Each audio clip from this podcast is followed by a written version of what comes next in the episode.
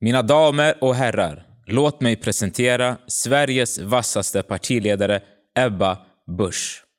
Aldrig hade jag trott att de orden skulle komma från min mun. Men så lät det för bara några veckor sedan när jag, Paulos Abraha, fick förmånen och äran att presentera Ebba Busch på Järvaveckan. Hur hamnade jag där? Hur blev jag politiker? En ung kille född och uppväxt i Hallonbergen, i ett så kallat utsatt område. Aldrig någonsin trodde jag att jag skulle bli kommunalråd i Sundbyberg och jobba heltid från Stadshuset i just Hallonbergen där jag växte upp.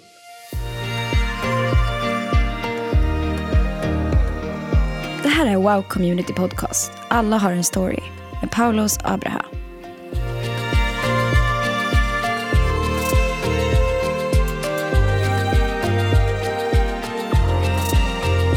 Mina föräldrar är från Eritrea.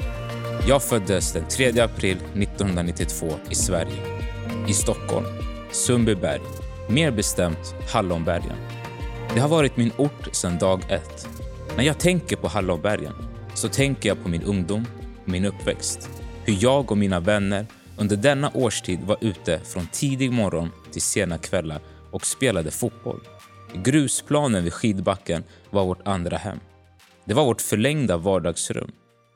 Inläggsmål, det var namnet på en bolllek jag och mina vänner uppfann.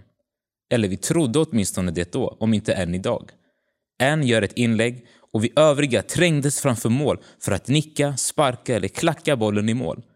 Gerard-klass, ropar min vän Abel som påstår att hans inlägg höll samma nivå som fotbollsstjärnan Steven Gerrard i Liverpool. FC Barcelona, det var mitt favoritlag. Rivaldo var min favoritspelare. Han var en brasiliansk anfallare som spelade för just Barcelona.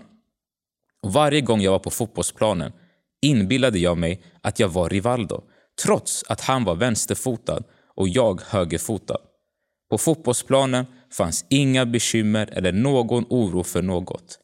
Varje sommarkväll på planen kändes som himlen för oss. Himlen. Sen jag var ett litet barn har jag alltid haft en tro. En tro på Gud, en tro på Jesus. Mina föräldrar har en kristen ortodox bakgrund och de var måna om att jag och mina syskon, Dina Milena, min lilla syster och Petrus, min lillebror, skulle gå i kyrkan varje helg. Vi växte upp i en katolsk kyrka inne i stan och där var vi nästan varje helg under vår uppväxt. Vi började så småningom parallellt gå till en engelsktalande kyrka inne i stan då mammas vän hade bjudit dit henne.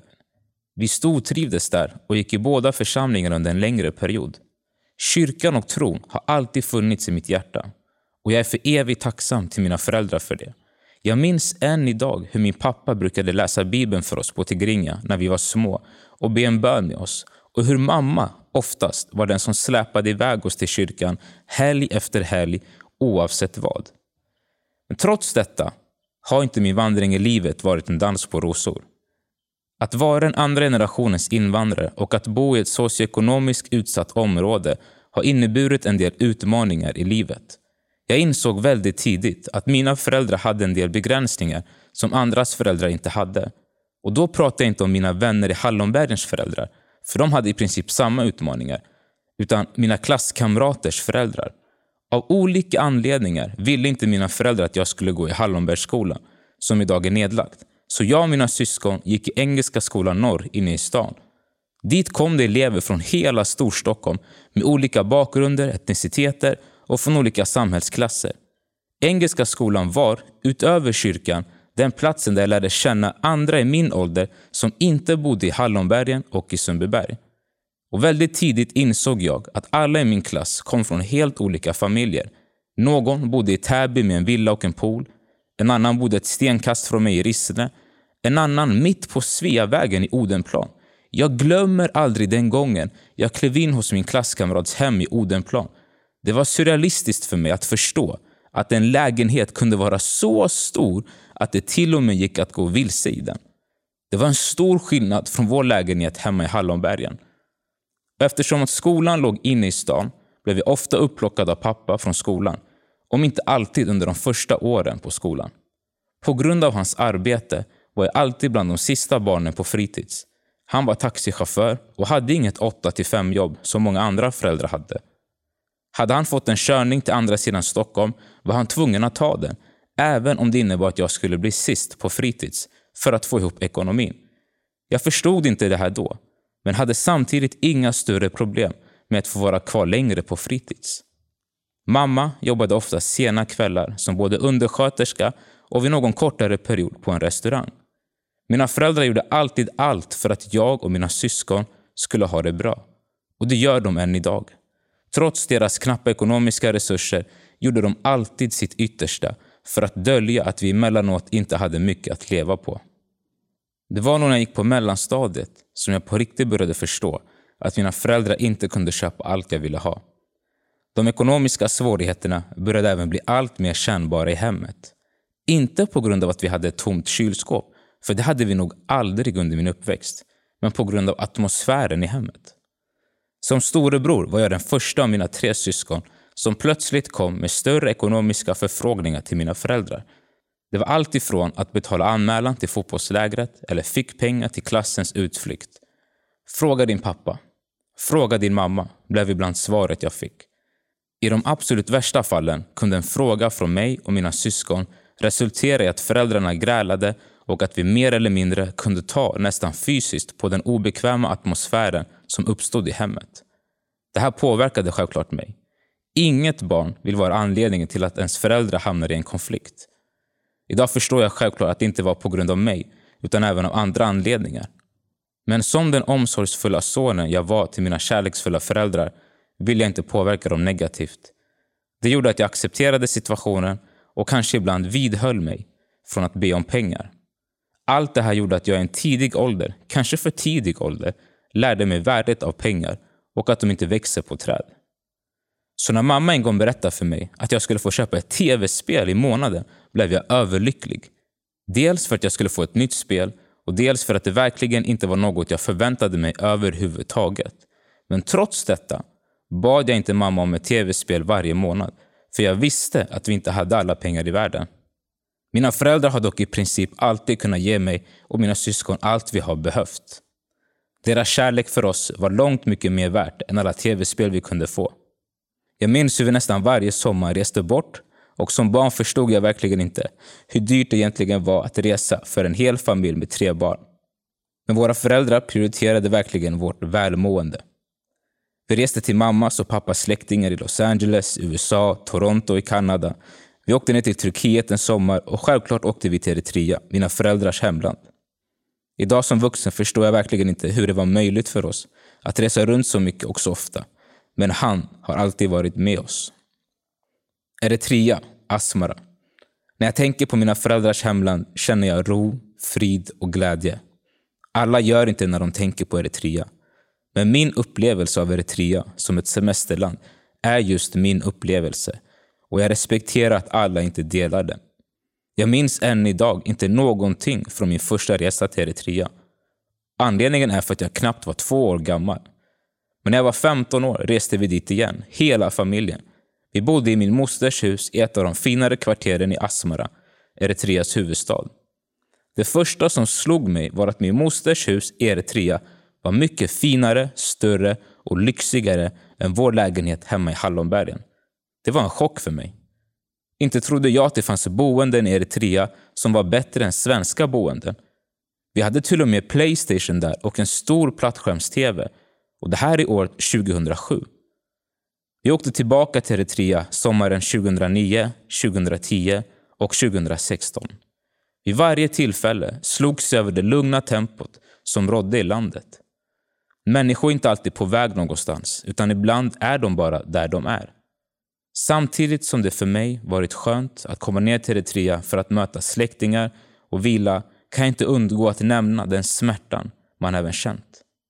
Jag glömmer aldrig första gången då min äldre kusin i Eritrea och jag skulle ut och spela fotboll med hans vänner.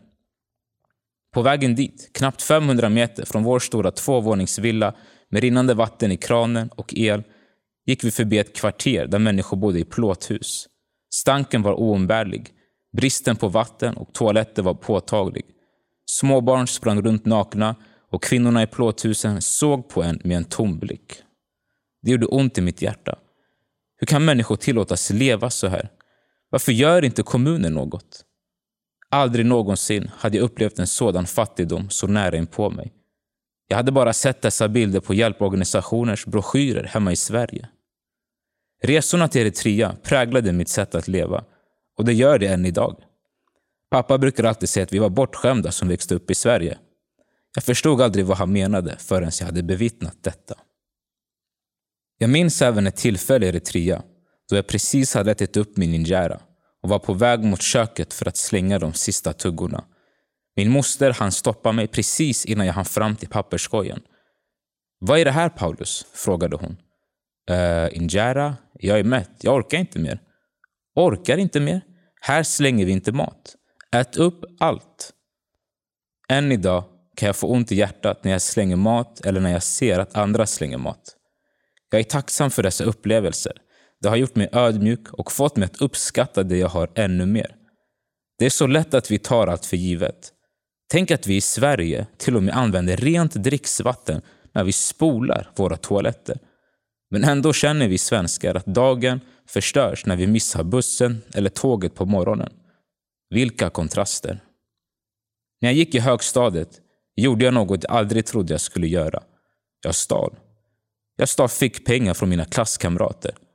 Det var fisk på skolans lunchmeny och jag och mina vänner var inte så förtjusta i det. Då sa en av grabbarna, låt oss gå ner till Ica och köpa något. Men ingen av oss hade pengar.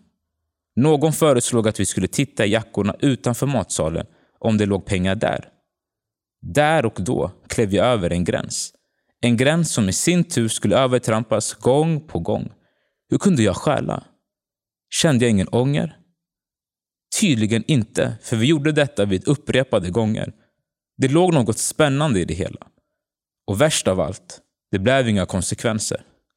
Trodde vi i alla fall. Men i Bibeln står det om en lag, sådd och skörd. I princip så innebär det att allt du gör kommer alltid bringa med sig konsekvenser. Ibland visar sig konsekvenserna omgående, ibland tar det några år. När jag började på gymnasiet fortsatte jag i detta spår, att stjäla. Jag var aldrig någon stökig pojke eller någon som hade samtal med vare sig SOS eller polisen. Aldrig. Jag var bland de mest laglydigaste som fanns. Jag vågade knappt peka långfingret åt någon. Men mitt övertramp i högstadiet gjorde det lättare för mig att fortsätta gå på den stigen som nu började ta form framför mig. Från att ha stulit 5 kronor och 20 lappar i högstadiet blev summorna nu allt högre i gymnasiet. Jag gick i ett av de finare gymnasierna i Stockholm, Kungsholmens gymnasium. Väldigt tidigt insåg jag att de flesta eleverna i skolan kom från mycket mer välbärgade områden. Det var inte många i den skolan som kom från blåa linjen eller från andra förorter. Jag har flera grafiska miniräknare. Säg att dina vänner kan köpa dem från 300 kronor styck, sa jag till min familjevän som gick i en annan skola. Jag sålde grafiska miniräknare som jag hade stulit från elever i min gymnasieskola. Min affärsidé var enkel. Jag tog från de rika och gav till de fattiga. Precis som Robin Hood. Låt mig förklara. En grafisk miniräknare som behövs för att läsa de flesta mattekurserna på gymnasiet kostade ungefär 600 till 1200 kronor. Det var helt absurt för mig och många andra att en miniräknare kunde vara så pass dyr. Jag förstod att alla mina bekanta från förorten måste tycka detsamma. Ingen kan vara redo att lägga de pengarna på miniräknare. Så jag började stjäla miniräknare från de rika i min skola och sålde dem för halva priset till bekanta från förorten. Min Robin Hood-teori bekräftades även att jag såg vid några tillfällen hur en elev vars miniräknare jag stulit dagen innan nu hade en splitterny miniräknare. Deras föräldrar måste sitta på miljoner, tänkte jag alltid för mig själv. På skåpen, i skåpen, i hallen. Miniräknarna låg överallt. Och när jag såg dem ligga där såg jag endast pengar. Ryktet spred sig dock väldigt fort i skolan och så fort något var borta blev jag tillfrågad av de andra. Paulus, har du baxat hennes iPod? Paulus, har du sett min miniräknare? Jag blev dock aldrig ertappad av någon. Men jag förstod nog att några misstänkte att jag var den skyldige, men att de inte ville eller vågade fråga mig. Jag minns vid ett tillfälle då frågade min klasskamrat mig om jag kunde stjäla en av mattelärarens miniräknare som vi fick låna under lektionen. Han var villig att ge mig 500 kronor. Och han skulle i sin tur ge det som en gåva till hans flickvän. Inga problem. Det var nog de enklaste 500 kronorna jag tjänat. Tänk vad ett litet snedsteg kan leda till. Tänk om vi hade fått en god skollunch istället. Nej, skämt åsido. Det finns inget som försvarar mitt gamla beteende. Och beteendet fortsatte. När jag var i 20-årsåldern hamnade jag i domstol, i tingsrätten. Jag blev åtalad för försök till bedrägeri. Jag hade försökt använda ett bankkort jag precis hittat för att betala en entré till Spybar. Jag blev friad i tingsrätten men rättvist dömd i hovrätten och fick betala dagsböter. Allt det här för att jag inte ville betala entrén på 160 kronor med mina egna pengar. Nu kom väckarklockan, men också konsekvenserna för mitt beteende som började i högstadiet. Varför slösa ens egna pengar när någon annan kan betala? Så tänkte jag då och jag vet att flera tänker så än idag. Det var inte förrän den 1 januari 2016 som allting skulle förändras. Den nyårsdagen förändrades mitt liv för alltid.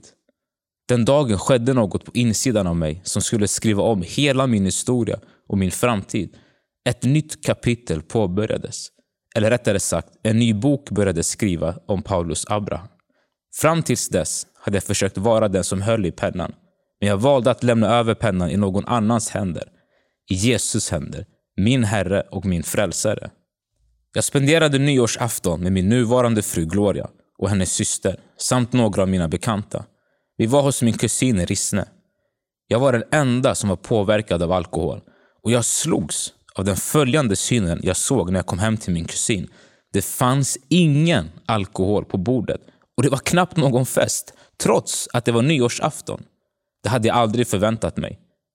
Senare på natten är det bara jag, min kusin och två andra vänner kvar. De börjar prata om Jesus. Det var första gången jag någonsin hade hört någon i min ålder tala så passionerat om Jesus. Jesus älskar dig. Han har en plan för dig, Paulus, berättade de med en övertygelse. Men det som fick mig att stanna upp den natten var när min kusin såg mig rakt in i ögonen och med ett leende på läpparna sa om jag dör idag så vet jag att jag hamnar i himmelen.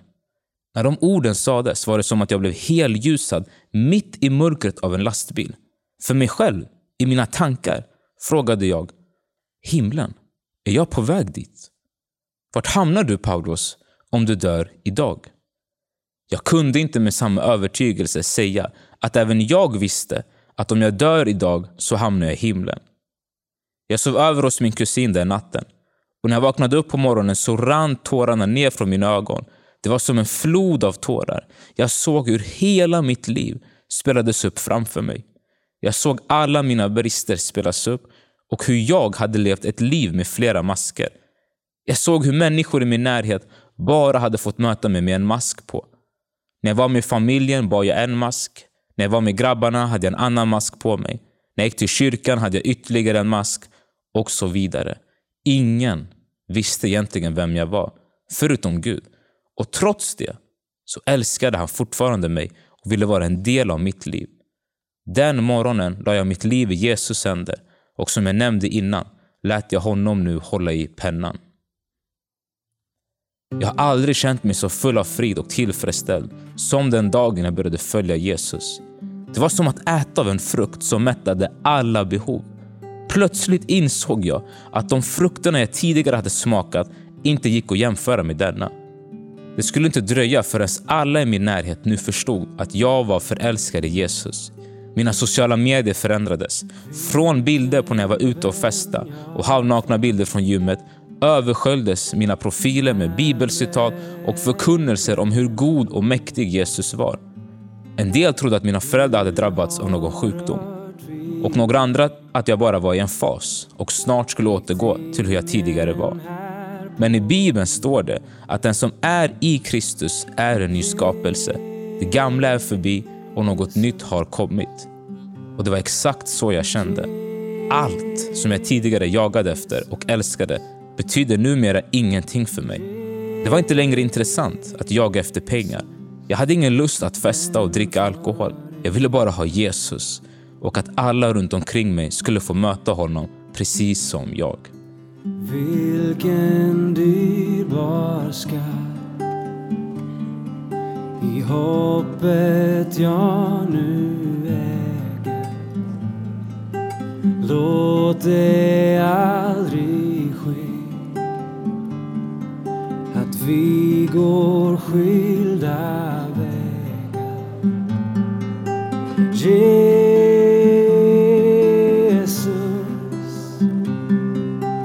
Jesus,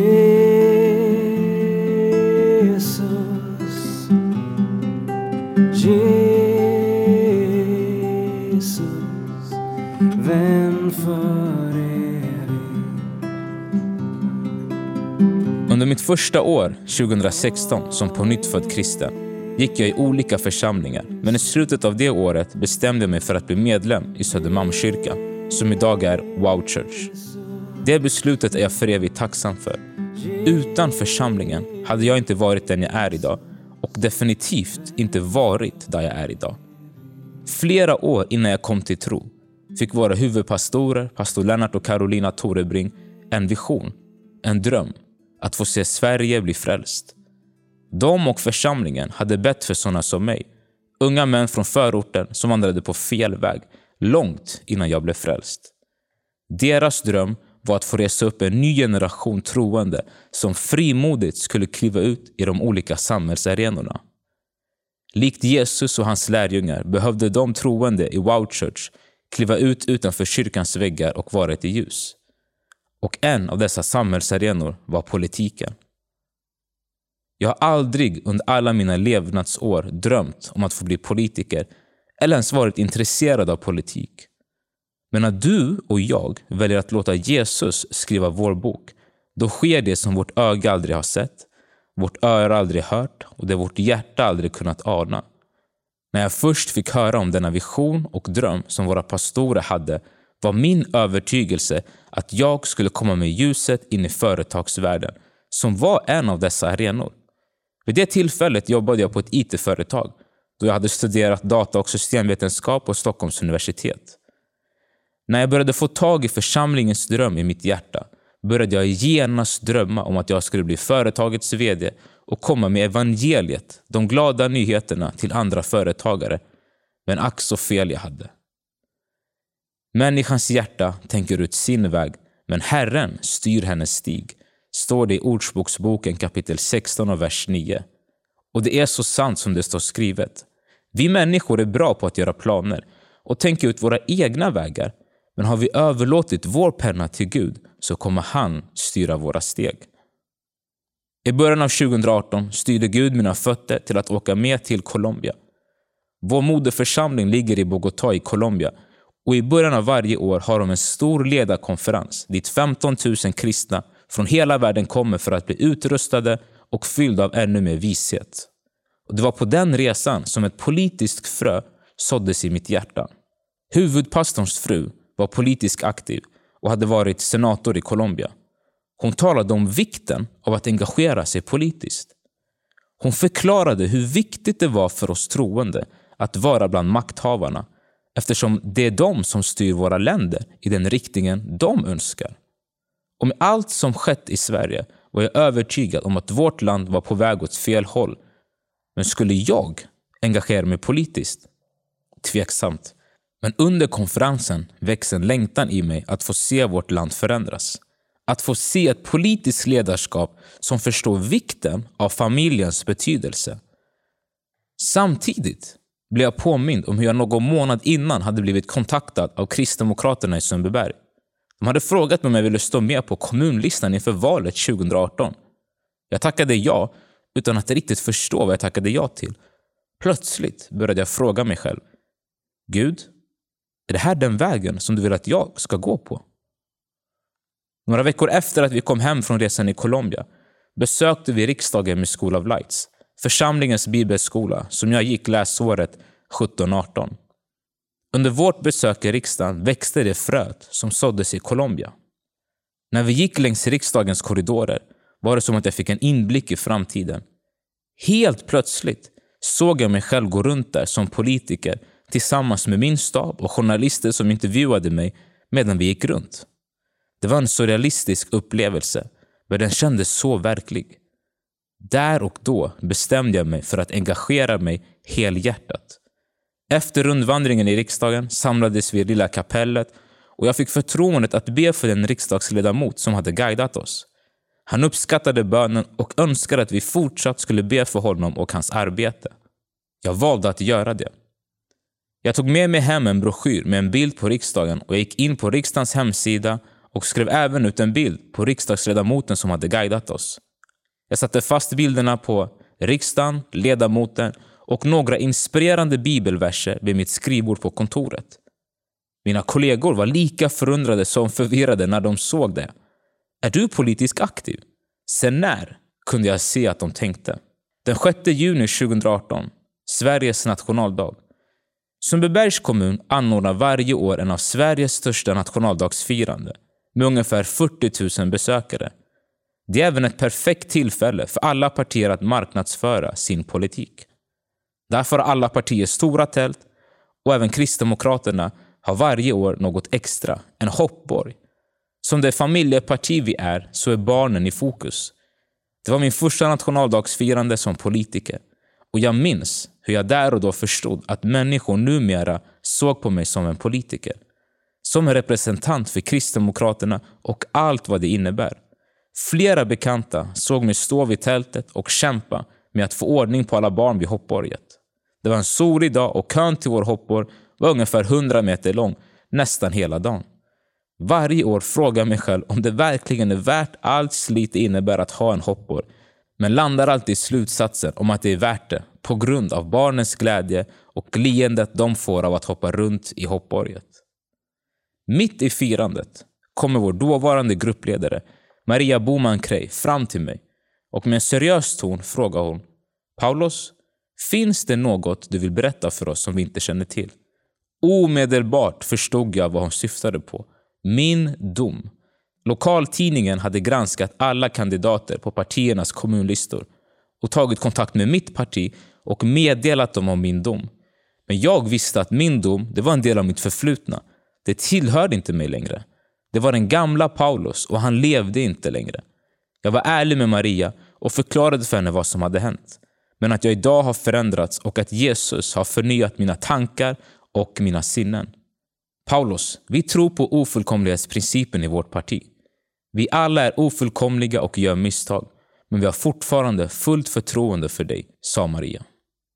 En morgon i mitten av augusti, under valrörelsen, gick det att läsa “Familjen är samhällets kärna”. Trygg överallt och alltid. Det var mina två budskap på mina valaffischer. Jag minns den morgonen som igår.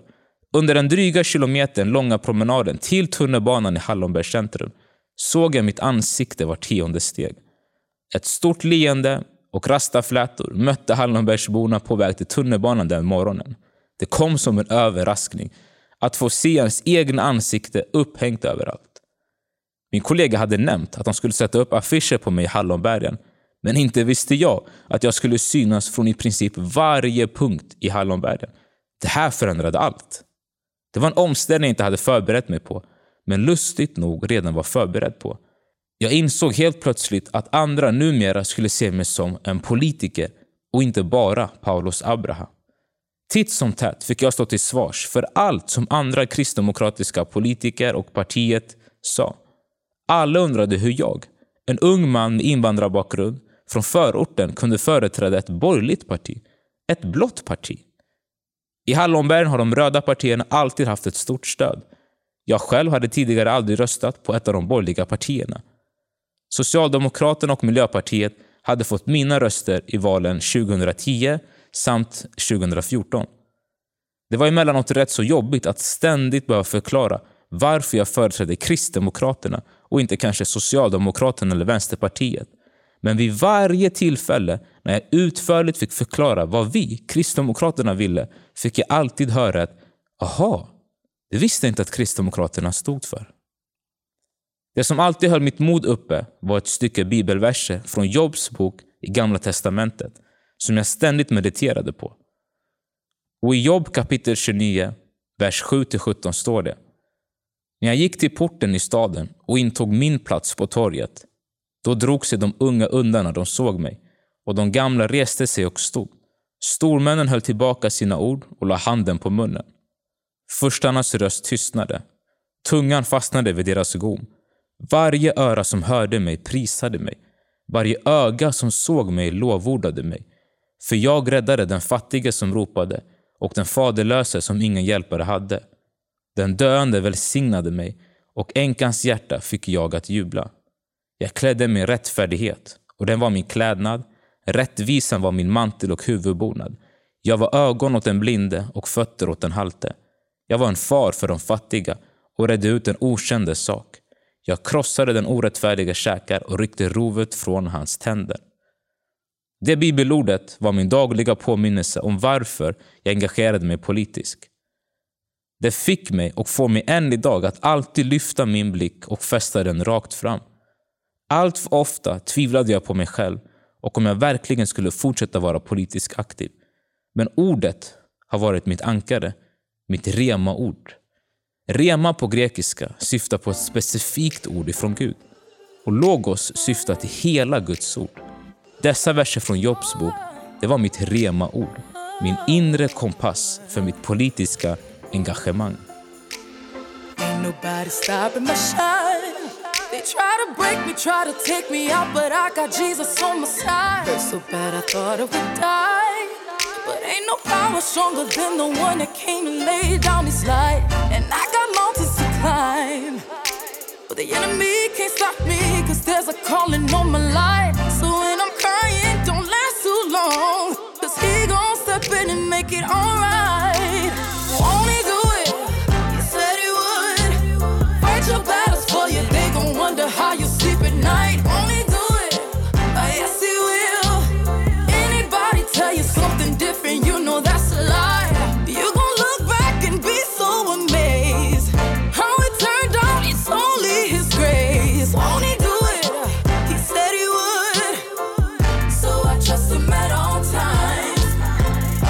Valdagen den 9 september 2018 befann jag mig på partiets valvaka.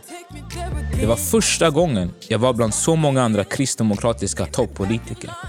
Riksdagsledamöter, kommun och regionpolitiker, EU-parlamentariker, kända journalister var där. Det är hon från Aktuellt, tänkte jag för mig själv. Vid den här tidpunkten kände jag knappt någon inom partiet. Förutom pastor David Feneström som gjorde sällskap den kvällen och min kollega från Sundbyberg, Marcus Jonsson. Marcus stod till och med på scenen och var den som höll i kvällen. Det kändes lite häftigt att jag kände just honom. Han som var på scen och bland annat intervjuade våra toppnamn. När Ebba Busch kom in på valvakan höjdes temperaturen omedelbart. Hon kom in med en frisk fläkt och blåste liv in i oss som var på plats.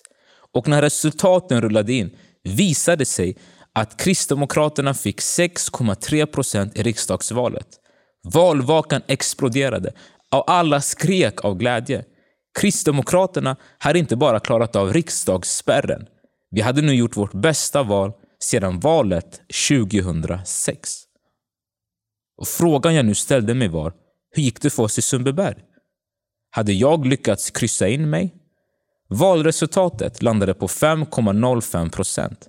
Det var en ökning från 2014 då Kristdemokraterna i Sundbyberg fick 3,17 procent.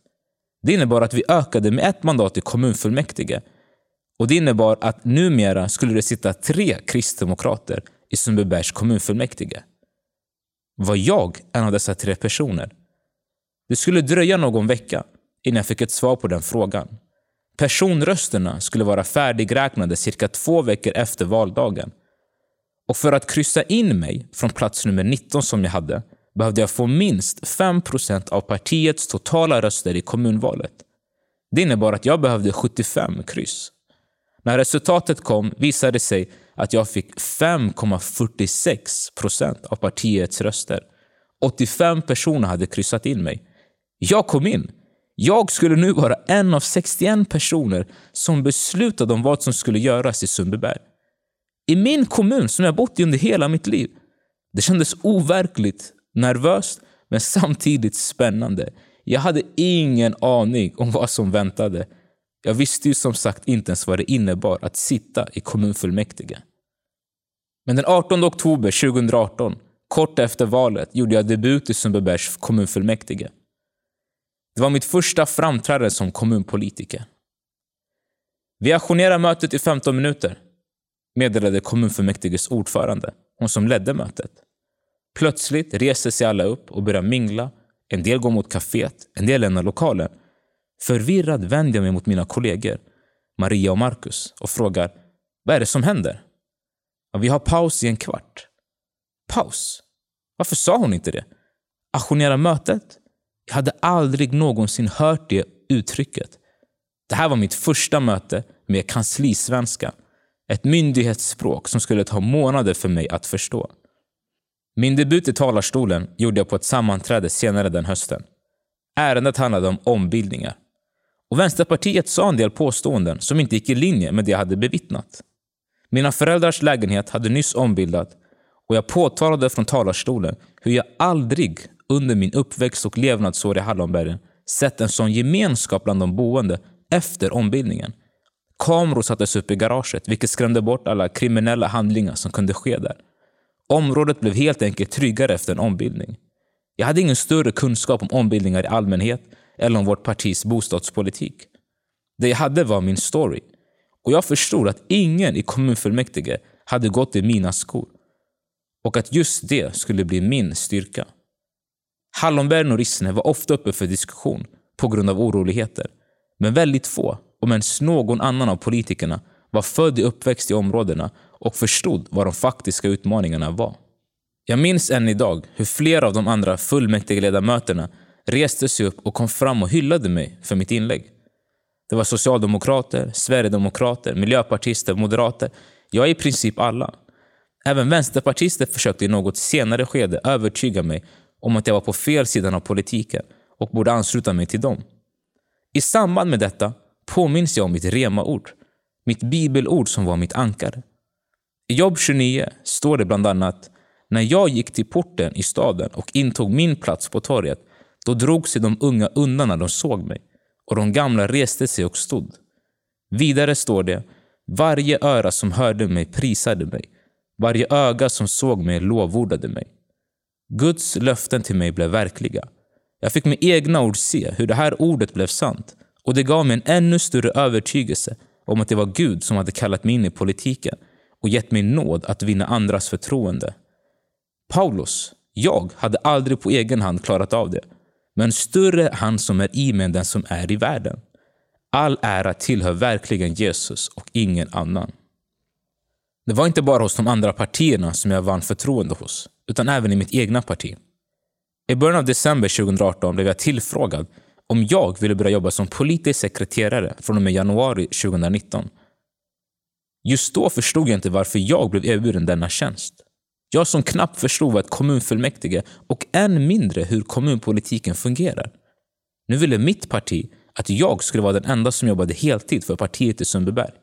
Marcus Jonsson hade blivit vald som ny gruppledare och såg något jag inte såg i mig själv. Det var han som erbjöd mig att jobba som politisk sekreterare. Eftersom vi nu satt i opposition hade inte Marcus ett heltidsarvode. Men varje parti i Sundbybergs fullmäktige hade rätt till en politisk sekreterare på heltid.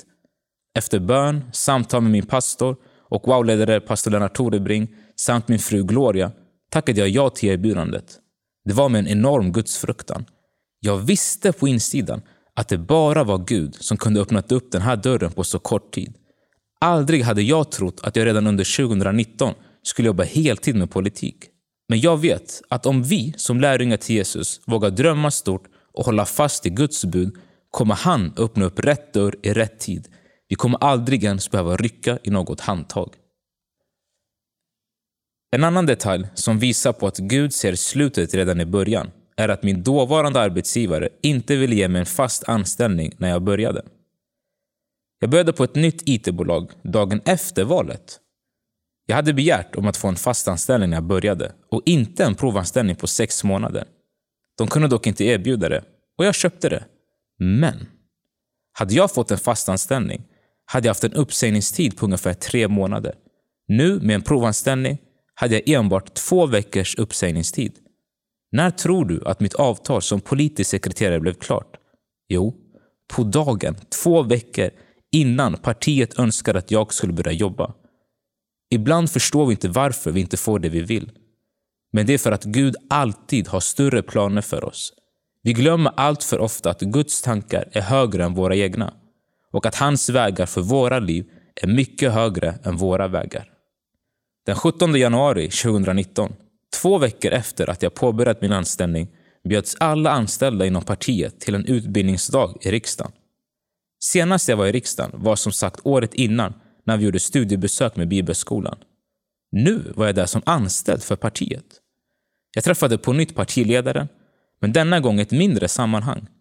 Jag hann uppmuntra och tacka henne kort samt dela min övertygelse om att Kristdemokraterna har en stor potential att vinna väljare i förorterna. Markus fru Diana, som jobbade för partiledaren i riksdagen, såg även till att jag fick en bild med Ebba Busch. Det dröjde inte länge förrän jag delade den bilden på mina sociala medier. Paulus, kan du fixa ett farthinder på gatan? Varför bygger man så stora cykelvägar? Det finns inga parkeringsplatser i Sumpan. Varför gräver de upp gatorna hela tiden? Titt som tätt fick jag höra flera olika förslag på förbättringar. Frågor om vad som sker och varför kommunen valt att göra en del saker. Med mig i stadshuset var det väl självklart att jag skulle kunna lösa alla frågeställningar. Problemet var dock bara att vi satt i opposition. Det innebar att vi inte satt med och styrde kommunen och kunde besluta om vad som skulle göras och inte göras. Men genom motioner, debatter och att ha kontakt med lokaltidningen gick det att lyfta upp frågor som de styrande partierna var tvungna att förhålla sig till. Under våren 2021 blev jag kontaktad av personalen som jobbade på 174, fritidsgården i Rissne. Jag kände flera av dem som jobbade på gården. Utöver mitt uppdrag i kommunfullmäktige och min anställning som politisk sekreterare representerade även vårt parti i kultur och fritidsnämnden. Ett av nämndens ansvarsområden var just fritidsgårdarna. Det visade sig att de anställda i fem års tid klagat på lokalens skick och arbetsmiljö. Under vintermånaderna var det så kallt som 12-13 grader. De anställda, men även barnen, hade emellanåt vinterjackorna på sig inomhus på grund av kylan. Det var så kallt att en anställd fick problem med spända axlar och huvudvärk. Det fanns även misstankar om att något var fel på ventilationen och att det fanns spår av fukt och mögel.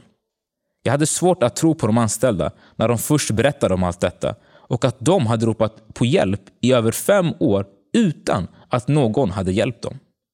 Jag behövde underlag som styrkte detta för att känna att det var något jag kunde konfrontera de styrande partierna med. De anställda sammanställde flera dokument med mejlkonversationer, protokoll från olika möten, kontakt med läkare och en hel del annat. Jag var övertygad. Allt de sa stämde. I fem år hade ingen tagit deras rop efter hjälp på allvar. Det var en katastrof. Hur kunde det vara möjligt? Det blev ett par intensiva arbetsdagar. Vi sammanställde allt vi hade fått och lyfte upp frågan på dagordningen i Stadshuset. Jag och mina kollegor spelade in en kort video utanför lokalerna i Rissne där vi uppmärksammade problemet. Kontakt togs med lokaltidningen som skrev flera artiklar och de styrande partierna blev tvungna att bemöta det som nu kommit upp i ljuset. Det slutade med att en utredning gjordes som visade att lokalen inte var i skick för att bedriva en verksamhet. Lokalen stängdes för att åtgärda felen. Alla i personalen och de barn som vistats på gården blev erbjudna besök hos läkare för att säkerställa att deras hälsa inte hade påverkats av deras närvaro i lokalerna. Flera av de anställda valde dock att lämna sin arbetsplats på grund av hur de hade blivit behandlade av arbetsgivaren. Det var ledsamt då flera verkligen var eldsjälar och viktiga förebilder för barn och unga i Rissne. Jobb kapitel 29, vers 12 och 14-16. För jag räddade den fattige som ropade och den faderlöse som ingen hjälpare hade. Jag klädde mig i rättfärdighet och den var min klädnad. Rättvisan var min mantel och huvudbonad. Jag var ögon åt den blinde och fötter åt den halte. Jag var en far för de fattiga och redde ut en okändes sak. Än en gång fick jag se hur mitt ord blev verkligt. Jag upplevde verkligen att jag fick vara en röst för de som inte hade en röst. Ögon åt den blinde och fötter åt den halte. De anställda hade försökt få hjälp utan någon respons. Som politiker hade jag andra förutsättningar och kunde vara en hjälp för de anställda och barnen som vistas på fritidsgården 174. I början av sommaren 2021 skulle min och min frus liv ta en ny riktning. Under en solig sommardag i juni överraskade min fru mig i vårt hem. Hon bad mig att vänta i sovrummet medan hon höll på i vardagsrummet. Med ögonbinden på ledde hon mig från sovrummet till vardagsrummet. På köksbordet låg det rosenblad och post-it-lappar. Jag började ana vad som var på gång. Och med nervositet tar jag upp lapparna och där står det med ett ord per lapp. Du ska bli pappa. Vi, Paulus och Gloria Abraha, skulle bli föräldrar. I februari 2022 skulle vårt barn komma. Vår son. Vilken gåva av Gud. Den kunde inte kommit mer läglig. Under hela graviditeten växte längtan ännu mer av att få hålla vår son i vår famn. Och den 6 augusti fick vi vår första bild av vår son. Det var dags för ultraljud. Och på grund av coronarestriktioner fick jag vara med på Facetime. Sittandes i bilen såg jag hur vår son rörde på sig i Glorias mage. Synen var magisk. Jag tog direkt några skämdumpar på Facetime-samtalet för att föreviga synen. Det går inte att beskriva den glädjen som fyllde oss, både mig och min fru. Våra familjer blev nästan ännu lyckligare när vi delade med oss av nyheter med dem. Vår son skulle bli det första barnbarnet för båda våra familjer. Paulus, jag vill att du blir gruppledare istället för mig. Marcus Jonsson, han som hade anställt mig och varit min politiska mentor och även nu en god vän, vill att jag skulle ersätta honom som gruppledare och kommunalråd för Kristdemokraterna i Sundbyberg. Ännu en dörr öppnades upp utan att jag ens försökt rycka i handtaget. Jag hade bett Gud om mer utrymme och ibland behöver vi nog vara försiktiga med vad vi ber för. Jag kunde inget annat än att tacka ja. Jag var nu partiets främsta företrädare i Sundbyberg. Från att tre år tidigare knappt vetat vad politik var till att bli kommunalråd. Ja, om inte det är ett tecken på att Gud lever så vet jag inte vad som är det. För mig var det nu självklart. Gud har mycket större planer för mig än vad jag själv har. Min dröm var att få vara heltidspolitiker efter valet 2022. Antingen i riksdagen eller i kommunen. Men Gud hade bestämt att hösten 2021, det var rätt tid. Som gruppledare har du en helt annan ställning i stadshuset och i de övriga partiernas ögon. Det gällde även mina partikollegor inom Kristdemokraterna i Stockholms län, men även runt om i landet. Min nya titel innebar att jag hade ett förtroende. Ett högre förtroende än tidigare. Det innebar även mer ansvar, ansvar för gruppen i Sundbyberg, vår politik, men även att företräda vårt parti medialt. Utan församlingen hade det nog varit den ännu större utmaningen. Wow Church, min församling, har varit som en träningsplats. Här har jag tränats att leda andra, att förbli ödmjuk och förstå att allt som blivit mig givet kommer ifrån ovan. Det gör en ödmjuk och att ens fötter förblir på marken. Jag har aldrig strävat efter att få synas mer eller få mer makt. Jag har bara strävat efter att göra Guds vilja för mitt liv. Även om det flera gånger inneburit att jag fått lämna min bekvämlighetszon och kliva ut på djupt hav. Sen jag blev gruppledare har jag även synts mer i lokaltidningarna och fått framföra vår politik för invånarna i Sundbyberg. Älskling, jag tror mitt vatten har gått. Brister min fru ut klockan fyra på morgonen den 28 januari 2022. Kan vi inte sova en timme till? Frågade jag halvsovandes. Ska han komma nu? De sa ju att han var beräknad i mitten av februari. Några veckor innan berättade Gloria för mig hur hon i sin bibel hade gjort en anteckning året innan, i januari 2021. Hon hade skrivit att om ett år, januari 2022, får vi vår son Emanuel. Ha i åtanke att när hon skrev det här var vi långt ifrån gravida och därmed visste vi inte heller vilket kön vårt första barn skulle få. Men det finns en hemlighet i att uttrycka sin vilja för Gud som i sin tur ger sina barn det de önskar. När Gloria nämnde detta hade vi skämtat om att vår son kanske kommer i januari trots att läkarna sa att han skulle komma i februari. Efter 36 långa timmar var han ute i världen. Emanuel Paulos Abrahadesta föddes på lördagskvällen den 29 januari 2022. Våra liv har aldrig varit densamma sedan den dagen. Vår son har inte bara fyllt oss med glädje och kärlek. Han har hjälpt oss lära känna Gud, vår fader, ännu djupare. Den kärleken vi har för vår son är så stark att det nästan gör ont i hjärtat. Allt vi vill är att ge honom allt han behöver och all den kärlek han behöver. Och nästan varje gång jag omfamnar min son tänker jag på hur min far i himlen omfamnar mig. Hur hans kärlek för mig övergår den kärleken jag har för min son. Jag älskar dig pappa Gud och är för evigt tacksam för att du alltid är vid min sida, min frus sida och vår sons sida. Emanuel Paulus är en diamant. En gåva från ovan. Han kommer med så mycket uppmuntran. Ett leende från min son förändrar allt. Jag slås även över hur törstig på kärlek han är. Ständigt söker han pappas och mammas uppmärksamhet. Även om vi håller om honom men inte samtalar med honom blir han ledsen eftersom vi inte ger honom uppmärksamhet. Jag lyssnade på ett TED-talk där de förklarar att barnens första fem år är helt avgörande för deras framtid. Barn som inte får den kärlek och den bekräftelsen de behöver från sina föräldrar löper större risk för en mängd olika saker när de blir äldre. Det får mig att tänka på alla de barn i världen som kanske inte har sin mor och far eller av olika anledningar inte får den kärlek och bekräftelse som de behöver. Min övertygelse om att familjen är samhällets kärna har bara vuxit sedan den dagen jag blev förälder. Trygga familjer skapar ett tryggt samhälle. Every day. This love is an everyday kind of love. Every morning I'm in it. This love is an everyday kind of love. Every evening I'm in it.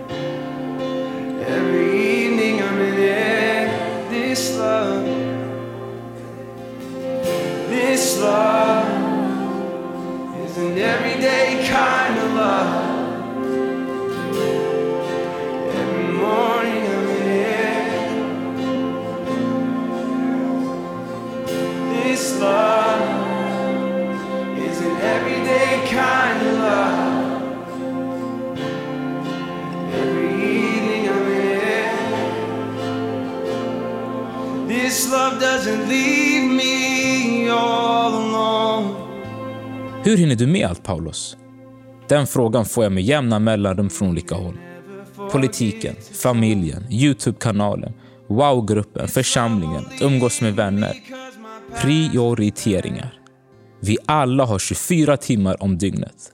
Allt handlar om prioriteringar och självklart en god kommunikation i äktenskapet.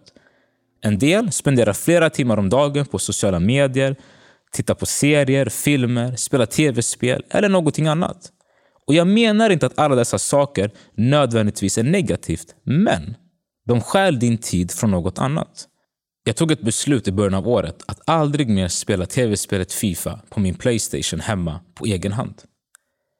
Jag skulle bara göra det när jag har vänner över. Jag ville förbereda mig för pappalivet och då behövde jag göra om min kalender. Och Det har resulterat i att jag har spelat Fifa vid två tillfällen under hela 2022. Innan spelade jag Fifa en till tre gånger i veckan. Men både jag och min fru har valt att lägga våra liv i Guds händer. Vi vill investera tid i det som varar för evigt, människors själar. Vår övertygelse är att den som bekänner Jesus Kristus som sin frälsare och Herre är den som kommer leva tillsammans med honom i all evighet. Det är därför vi har sagt ja till det Gud vill och nej till det vi vill. Allt ifrån all den tid vi lägger ner på vår Youtube-kanal Nåd och sanning, våra wow-grupper och politiken. Allt gör vi för att en till ska få lära känna vår Fader i himlen. Gud har gjort så mycket i våra liv under de senaste fem åren. Men vi vet att det här bara är början. Mina damer och herrar, låt mig presentera Sveriges vassaste partiledare Ebba Busch. Aldrig hade jag trott att de orden skulle komma från min mun. Men så lät det för bara några veckor sedan när jag, Paulos Abraha, fick förmånen och äran att presentera Ebba Busch på Järvaveckan. En av Sveriges partiledare bad mig att presentera henne inför ett tal. Hon kunde valt ut vem som helst, men hon valde mig. Hon hade hört av sig via hennes pressekreterare någon vecka innan talet skulle framföras.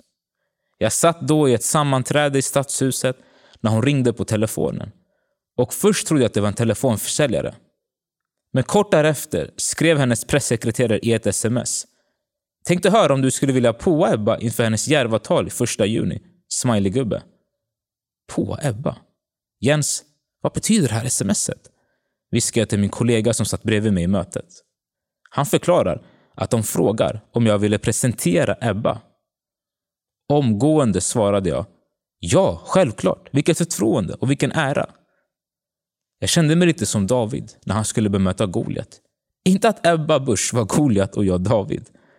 Nej, utan mer utifrån vad kung Saul sa till David när han bestämmer sig för att strida mot Goliat. Inte kan du gå och strida mot Filisten. Du är ju bara en pojke. Och han, han har varit en krigare ända från ungdomen. Inte ska du vara här Paulus. Du är ju bara en förortspojke från Hallonbergen. Det finns andra mer lämpliga politiker som kan göra det här. Mitt ankare, än en gång, gav mig rätt fokus och mod. Gud har kallat dig först och främst, inte en människa, sa jag till mitt inre. Min korta presentation på knappt tre minuter gick bra, trots min nervositet. När jag klev ner från scenen på Järvaveckan och gick ut bland publiken för att lyssna på Ebbas tal kändes det ännu en gång lite overkligt att jag precis hade stått där uppe i livesänd tv och talat. Ännu en dörr öppnades upp utan att jag ens ryckt i handtaget. Idag befinner jag mig mitt i småbarnslivet samtidigt som jag planerar min första riktiga valrörelse. Det är många bollar i luften, men med Guds hjälp och mycket hårt arbete går allt som det ska. Jag är även tacksam att jag har mina rutinerade kollegor Daniel Wiström och Maria Boman Krey vid min sida som hjälper mig med all förberedelse. Inför valet 2022 är jag första namnet på kommunlistan i Sundbyberg för Kristdemokraterna. Det skulle jag aldrig trott för fyra år sedan när jag var på plats nummer 19. Jag har dessutom fått äran att stå på plats nummer 21 på Kristdemokraternas riksdagslista i Stockholms län. Det är ingen valbar plats, vilket innebär att om jag vill komma in i Sveriges riksdag så behöver jag 5% av partiets totala röster i Stockholms län. Den här gången handlar det inte om 75 röster, utan snarare 5000 röster. Men allt är möjligt för den som tror. Jag hoppas att jag kan få än mer förtroende för att driva igenom den politiken som jag anser är bäst för vårt land, både i Sveriges riksdag och i Sundbyberg. Och det är en politik med familjen i centrum. Frimodigt så ber jag om ditt förtroende i höstens val. Jag vill även avsluta med att hedra min fru Gloria Abraha. Utan henne hade inget av det jag åstadkommit i livet varit möjligt. Hon har alltid trott på mig, även när jag själv inte gjort det. Och hon har alltid stått vid min sida och hejat på. Gloria, jag älskar dig och tackar Gud varje dag för dig och för att du gav mig världens bästa son, Emanuel Paulus. Jag, Paulus, förortskillen som blev politiker. Vem hade kunnat ana? Låt ingen säga till dig vad du kan och inte kan göra.